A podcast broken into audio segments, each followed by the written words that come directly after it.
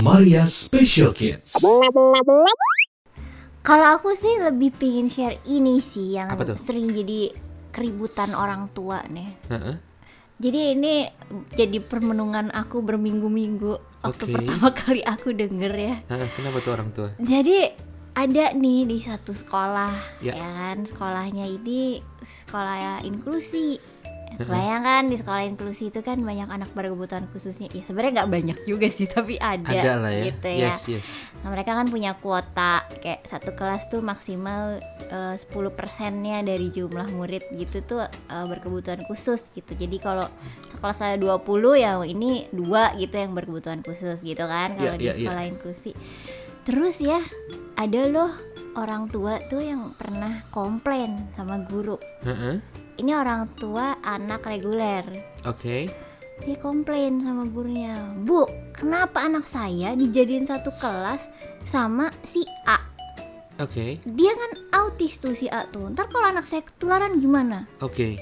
Nah, shock dong ya. Aku Hmm. denger cerita itu. Yes. Nah, terus yang lebih eh, bikin geleng-geleng lagi si guru ini nih yang cerita sama aku dia bilang, "Eh, Bu Maria itu nggak cuma satu orang tua itu, banyak yang komplain dan yang dikomplain gak cuma anak-anak yang autism ini aja gitu, yang anak yang kesulitan belajar juga dikomplain." anak yang ADHD gitu dikomplain gitu. Nanti kalau anak saya dipukulin gimana sama ABK-nya? Gitu-gitu loh. Hmm. Jadi eh aku mikir sih gitu orang tua setakut itu ya kalau anaknya berteman dengan anak berkebutuhan khusus Iya. Harusnya orang tua takut nggak menurut kamu? Kalau mereka belum pernah mendapatkan edukasi, Mm-mm. ketakutan itu mungkin sesuatu yang bisa kita maklumi ya. Tapi ya masa udah zaman sekarang gitu ya mereka eh, belum eh, sampai menerima apa informasi-informasi ataupun edukasi yang menjelaskan bahwa itu bukan penyakit menular. Iya ini kan bukan kayak pilek gitu kan? Iya. iya ya itu maksudnya eh, it- itu sih itu aku sampai mikir sih itu kenapa ya sampai separah itu ternyata apakah iya memang ternyata infonya belum belum sampai gitu ya ke dia seperti yang kamu bilang padahal ya padahal nih kalau aku baca ya aku baca penelitian di mana-mana ya. Di mana-mana banget ini di Indonesia juga di Jakarta udah udah banyak juga penelitiannya. Bahwa ternyata kalau misalkan anak-anak eh, reguler ini temenan sama anak-anak berkebutuhan khusus itu justru dampak positifnya banyak. Dampak negatifnya belum ketemu. Benefitnya banyak. ya. banyak. Sebetulnya banyak. Nah, Aku sebutin satu ya. apa tuh? Kita jadi belajar untuk bertoleransi. Kok toleransi? toleransi Telur asin, ya telur asin. Iya. Eh telur asin. Apa? toleransi Toleransi. Ya Iya. betul. Itu kamu salah masih, kamu masih salah itu ngomongnya toleransi. toleransi Toleransi. Oke. Toleransi. Iya, benar. Jadi memang ini sih payung besarnya tuh kemampuan sosialnya meningkat. Ya. Nah, di dalam kemampuan sosial itu kan ada gimana cara dia menyesuaikan diri dengan lingkungan, Yes. gimana cara dia menghadapi dengan orang-orang yang beragam Yes. gitu. Terus gimana caranya bersikap ketika temennya membutuhkan bantuan gitu-gitu. Jadi sebenarnya anak berkebutuhan khusus itu bisa jadi sarana belajarnya anak-anak reguler. Iya betul. Itu termasuk si kakak kan ya, dia kan sering gitu ya nanya, "Eh, kenapa sih? Eh, kok eh, itu dia kok nggak bisa jalan, kenapa kok pakai kursi roda? Gitu kan? Itu kan pertanyaan-pertanyaan yang eh, simple gitu ya, yang mereka tuh sebenarnya mereka kan netral nih, anak-anak ini kan netral. Dan mereka tuh kayak sebenarnya nggak tahu gitu kenapa ada anak-anaknya seperti ini kenapa teman-temannya berbeda seperti itu. Dan itu tinggal kita jelasin terus kalau kita menjelaskan dengan eh, cukup apa ya cukup sederhana gitu mereka ngerti mereka tuh mau kok gitu temenan sebetulnya ya jadi yang yang yang bikin salah satu pemicu sering ada eh, perselisihan antara anak reguler dan eh, anak berkebutuhan khusus tuh justru orang dewasa di sekitarnya. Padahal anaknya enggak kali ya. Kalau misalkan dia biasa dikasih input-input positif itu enggak.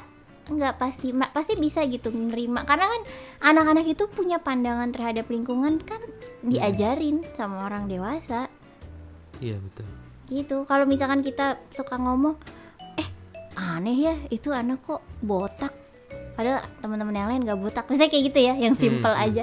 Itu kan anak jadi memandang oh kalau anak yang botak itu aneh gitu loh. Jadi kayak kayak kebentuk di pikirannya anak judgement judgement dari lingkungan gitu. Hmm. kalau misalnya enggak juga dia biasa aja ngeliat teman yang botak gitu kan. Iya betul betul. gitu. Jadi emang ya itu PR sih PR kita ya. PR kita kalau uh, pengen membentuk anak-anak yang bisa saling menghargai bisa berpandangan positif sama banyak hal ya itu memang kita bekalin aja memang ketika melihat sesuatu kita melihat dengan positif gitu termasuk ketika kita memandang teman-teman yang uh, punya disabilitas Iya betul. kamu ya betul terus deh Kamu tahu sekarang jam berapa kan? Iya betul itu udah lebih dari cukup. Iya iya iya ini ini menarik sebetulnya menarik. S- eh, iya sih. Eh, dulu waktu sebelum pandemi ya ada hari di mana kita bisa jalan-jalan bersama ya di hari Minggu di Car Free Day Mm-mm. itu biasanya teman-teman disabilitas dari berbagai macam komunitas tuh ada di sana iya dan mereka saling apa eh, bersosialisasi. Yang teman-teman tuli yang mengajarkan ya apa bukan kursus ya lebih ke pembelajaran singkat tentang bahasa isyarat. Terus teman-teman eh, kursi roda juga eh, ada di sana. Terus teman-teman tunanetra dan sebagainya. Waktu dulu eh, kita ajak anak-anak ke sana tuh seneng banget. Jadi bisa bisa berbaur dan mereka bisa banyak bertanya dan kita juga bisa banyak menjelaskan kepada mereka. Iya, benar. Kan? Pelajaran berharga Pelajaran. banget. Karena kalau dia bisa menerima dan melihat eh, orang lain dengan positif, itu skill menerima dan melihat dengan positif ini akan merembet ke mana-mana. Dia akan bisa melihat tantangan dengan positif. Dia akan bisa melihat kesalahan dengan positif dan itu kan perlu gitu sebagai bagian dari adversity quotient. Apaan Kapan tuh? lagi tuh ya kan Satu episode lah itu kapan-kapan ya Iya. Tapi itu emang skill yang penting banget di build di orang-orang sih nggak anak-anak aja kita Kita butuh banget itu Jadi mau dong kita berteman dengan teman-teman disabilitas? Mau dong, masa nggak mau jadi temen aku Iya. Nanti aku sedih Ingat ya, berteman dengan penyandang disabilitas itu seru banget. Berani coba?